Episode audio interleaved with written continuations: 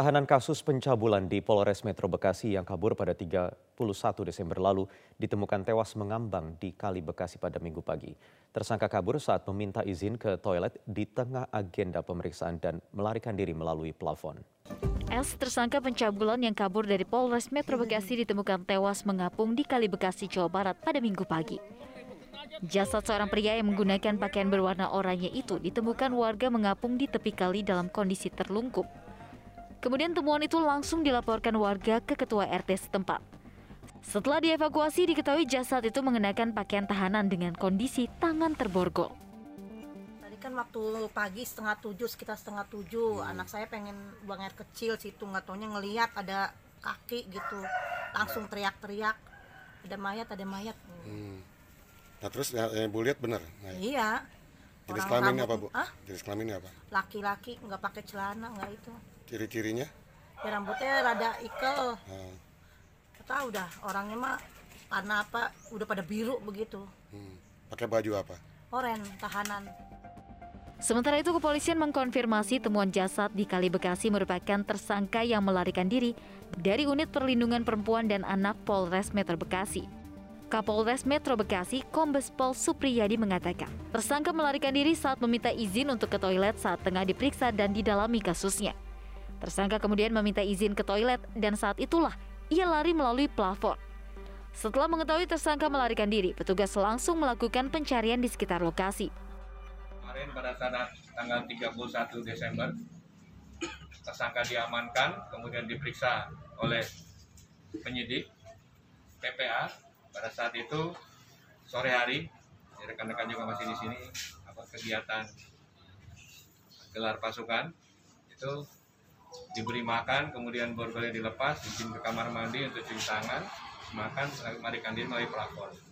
Tanggal 31 malam, dilakukan pencarian, kemudian kemarin tanggal 1 kami tetap melakukan pencarian, ternyata tadi pagi tanggal 2 hari ini tanggal 2 ditemukan uh, telah menjadi mayat.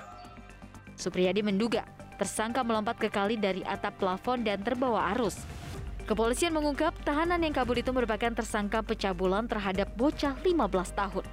Guna penyelidikan lebih lanjut, jasad tahanan itu dievakuasi ke Rumah Sakit Polri Kramat Jati, Jakarta Timur. Komnas Perempuan mendesak pihak kepolisian juga mengungkap konsumen atau pelanggan kasus prostitusi online yang menjerat selebritas CA.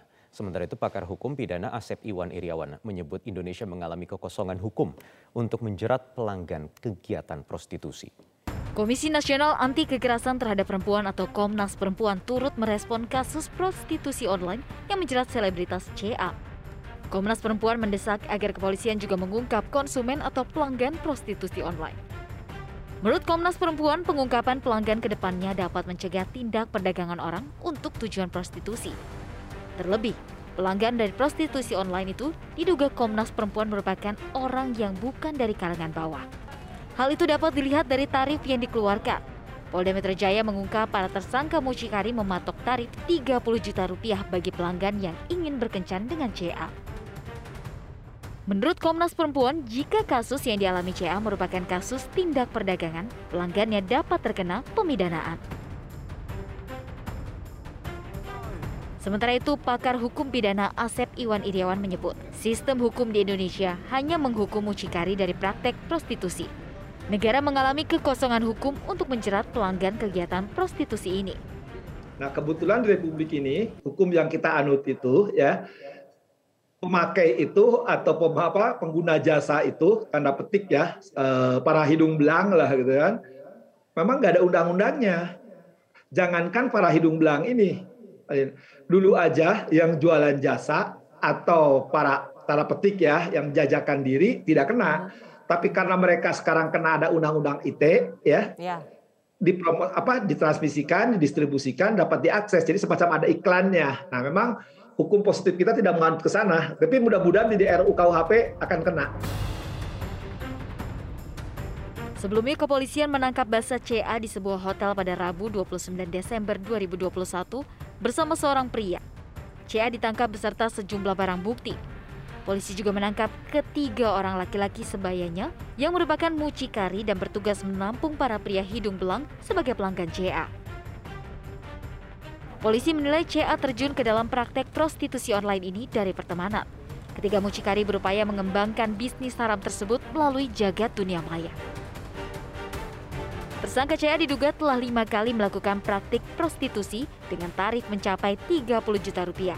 Usai ditetapkan sebagai tersangka, penyidik menerapkan pasal berlapis bagi CA dan tiga orang mucikari yaitu pasal 27 ayat 1 UU ITE dan pasal 2 ayat 1 UU nomor 21 tahun 2017 tentang pemberantasan tindak pidana perdagangan orang. Panik terjaring operasi ganjil genap. Seorang pengendara nekat menabrak petugas kepolisian yang berjaga di pos PAM Ciwandan, Kota Cilegon, Banten.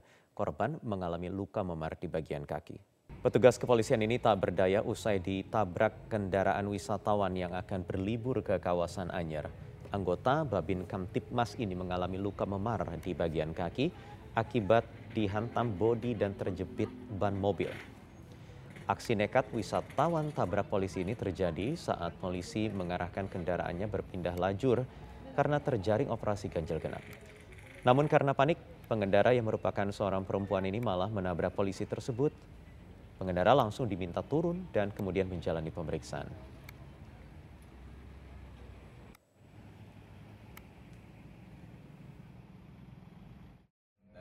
belah pihak di pos pam Ciwandan ini kita lakukan eh, apa mediasi dari pihak korban sendiri Pak Sofian anggota Polsek Ciwandan hanya menginginkan pengobatan untuk diurut alternatif saja karena tidak ada luka yang serius sementara tadi dari pengendara kita ingatkan untuk lebih berhati-hati dalam berkendara itu aja. Timnas Indonesia langsung pulang ke tanah air usai menuntaskan final Piala AFF. Evan Dimas dan kawan-kawan akan menjalani karantina selama 10 hari di Hotel Sultan Jakarta. Timnas telah mendarat di Bandara Soekarno-Hatta pada Sabtu siang pukul pada Minggu siang pukul 13 lewat 15 waktu Indonesia Barat menggunakan maskapai Singapore Airlines. Dari seluruh pemain yang kembali ke Indonesia hanya back tengah Elkan Bagot yang langsung terbang ke London, Inggris. Saat keluar bandara, para pemain mendapat permintaan swafoto dari sesama pelaku perjalanan yang baru tiba hingga petugas setempat bahkan juga meminta foto.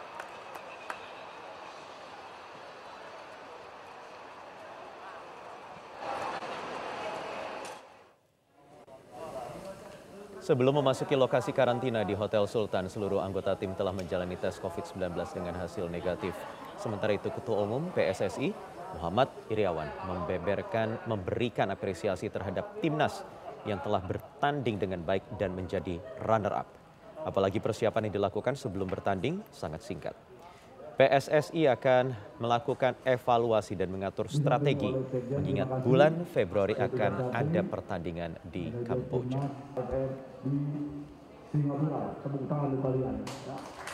Kita tetap bangga karena mereka memberikan terbaik bagi uh, bangsa Indonesia. Kalau lihat-lihat historisnya persiapan cukup singkat, uh, kompetisi hanya baru 4 bulan, bertemu mereka baru dua minggu, masih ada pemain yang main di klub, masih ada yang dari luar negeri tapi bisa memberikan terbaik yaitu membawa uh, peringkat runner up dan betul-betul mempunyai semangat yang mental luar biasa pada mereka. Iya, timnas Indonesia gagal menghadirkan keajaiban di laga final kedua, leg kedua laga final Piala AFF setelah ditahan imbang 2-2 dan kalah agregat 2-6 oleh Thailand yang menjadi juara. Meski kalah di final, namun penampilan timnas ini dianggap cukup menjanjikan di bawah pelatih Shin Taeyong. Timnas Indonesia harus mengubur mimpi menjuarai Piala AFF usai bermain imbang 2-2 di laga kedua final Piala AFF 2020. Di laga kedua Indonesia tampil agresif sejak awal laga. Setelah sempat membuka harapan lewat gol cepat Ricky Kambuaya pada menit ke-7. Indonesia balik tertinggal akibat ulah Adisa Kairson di menit 54 dan Sarach Yuyen di menit 56. Egi Maulana Fikri menghindarkan tim Merah Putih dari kekalahan pada menit ke-80. Dengan hasil itu, skuad Garuda lagi-lagi gagal mengakhiri kutukan sebagai runner-up. Total Indonesia enam kali berada di posisi kedua dan belum pernah menjadi kampion. Meskipun kalah dalam pertandingan Sabtu malam, gelandang serang timnas Indonesia Ricky Kambuaya menyandang man of the match. Ini kedua kalinya pemuda asal Sorong itu dinobatkan sebagai pemain terbaik selama pertandingan Piala AFF 2020 setelah sebelumnya mendapatkan predikat Man of the Match pada laga melawan Kamboja. Sementara itu salah satu punggawa timnas Indonesia yang tampil gemilang di Piala AFF 2020 ialah Pratama Arhan yang dinobatkan sebagai pemain muda terbaik dalam perhelatan Piala AFF 2020. Bek kelahiran 19 tahun silam tersebut tampil impresif sepanjang turnamen dan berhasil mencetak dua gol. Pratama Arhan juga dikenal sebagai pemain yang memiliki skill unik, yakni lemparan bola jarak jauh. Oh, look at that right arrowed in at Ezra Walian. Atas capaian timnas Indonesia, pelatih Sintayong memuji performa anak asuhnya yang tampil apik hingga final. Sintayong juga menyadari tulang punggung tim adalah para pemain muda. Pelatih asal Korea Selatan ini juga percaya dengan kerja keras, ke depan dapat berkembang secara baik untuk turnamen berikutnya. Presiden Joko Widodo memberikan apresiasinya kepada timnas Indonesia yang bertanding di AFF meski kalah dalam agregat gol. Presiden tetap bangga terhadap anak-anak Garuda Muda.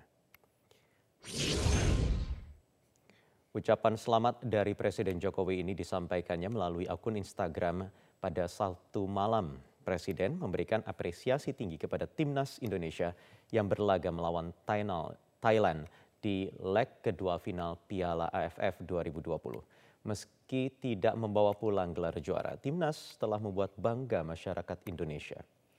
Presiden menyatakan bangga terhadap perjuangan Garuda Muda. Dalam leg kedua semalam, Indonesia berhasil menahan imbang Thailand. Dengan agregat akhir 2-6, Indonesia kembali menjadi runner-up dalam kompetisi Piala AFF.